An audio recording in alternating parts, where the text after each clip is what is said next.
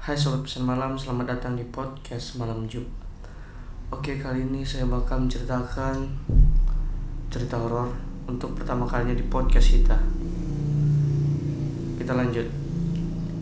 Nama aku Risa. Aku memang terlihat seperti gadis normal, seperti yang lainnya. Namun aku sedikit berbeda.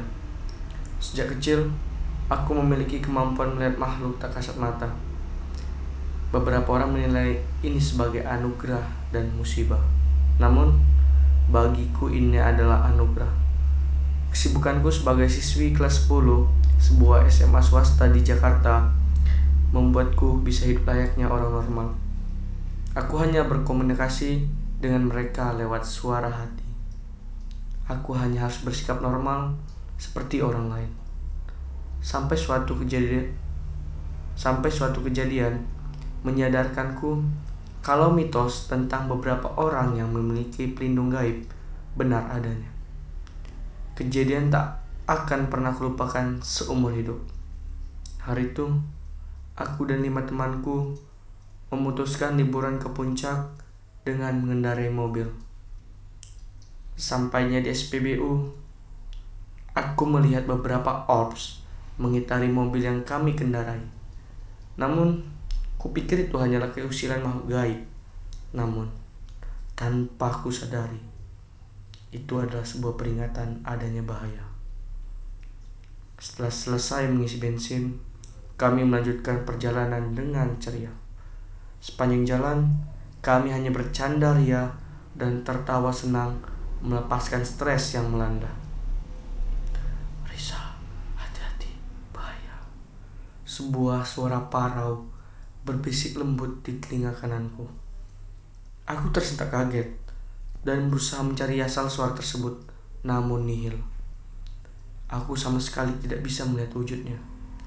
Risa, jangan langkah. Bahaya. Suara itu kembali terdengar dan membuatku merinding. Aku terdiam dan bingung, namun tidak bisa berbuat apa-apa.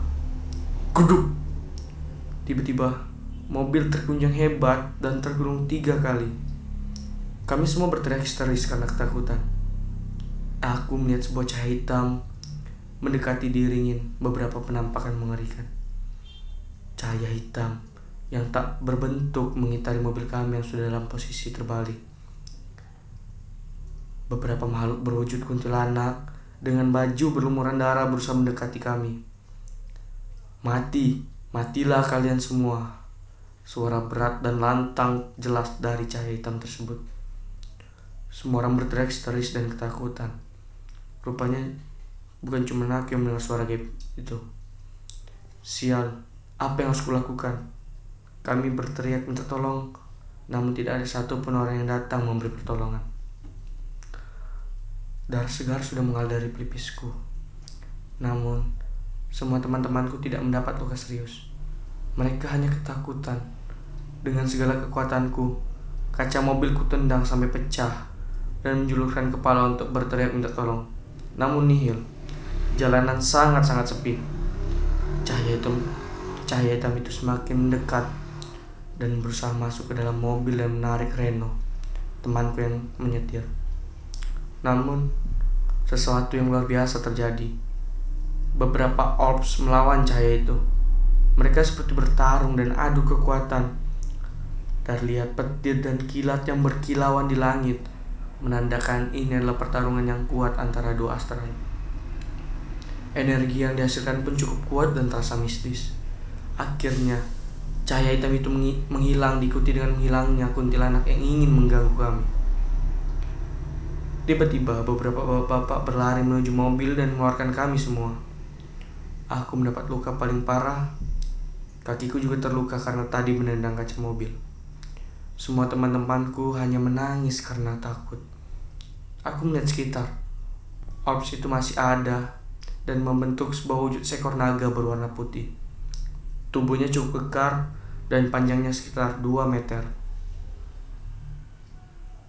Tubuhnya cukup kekar dan panjangnya sekitar 12 meter. Dia tersenyum. Aku terperangah melihat semuanya.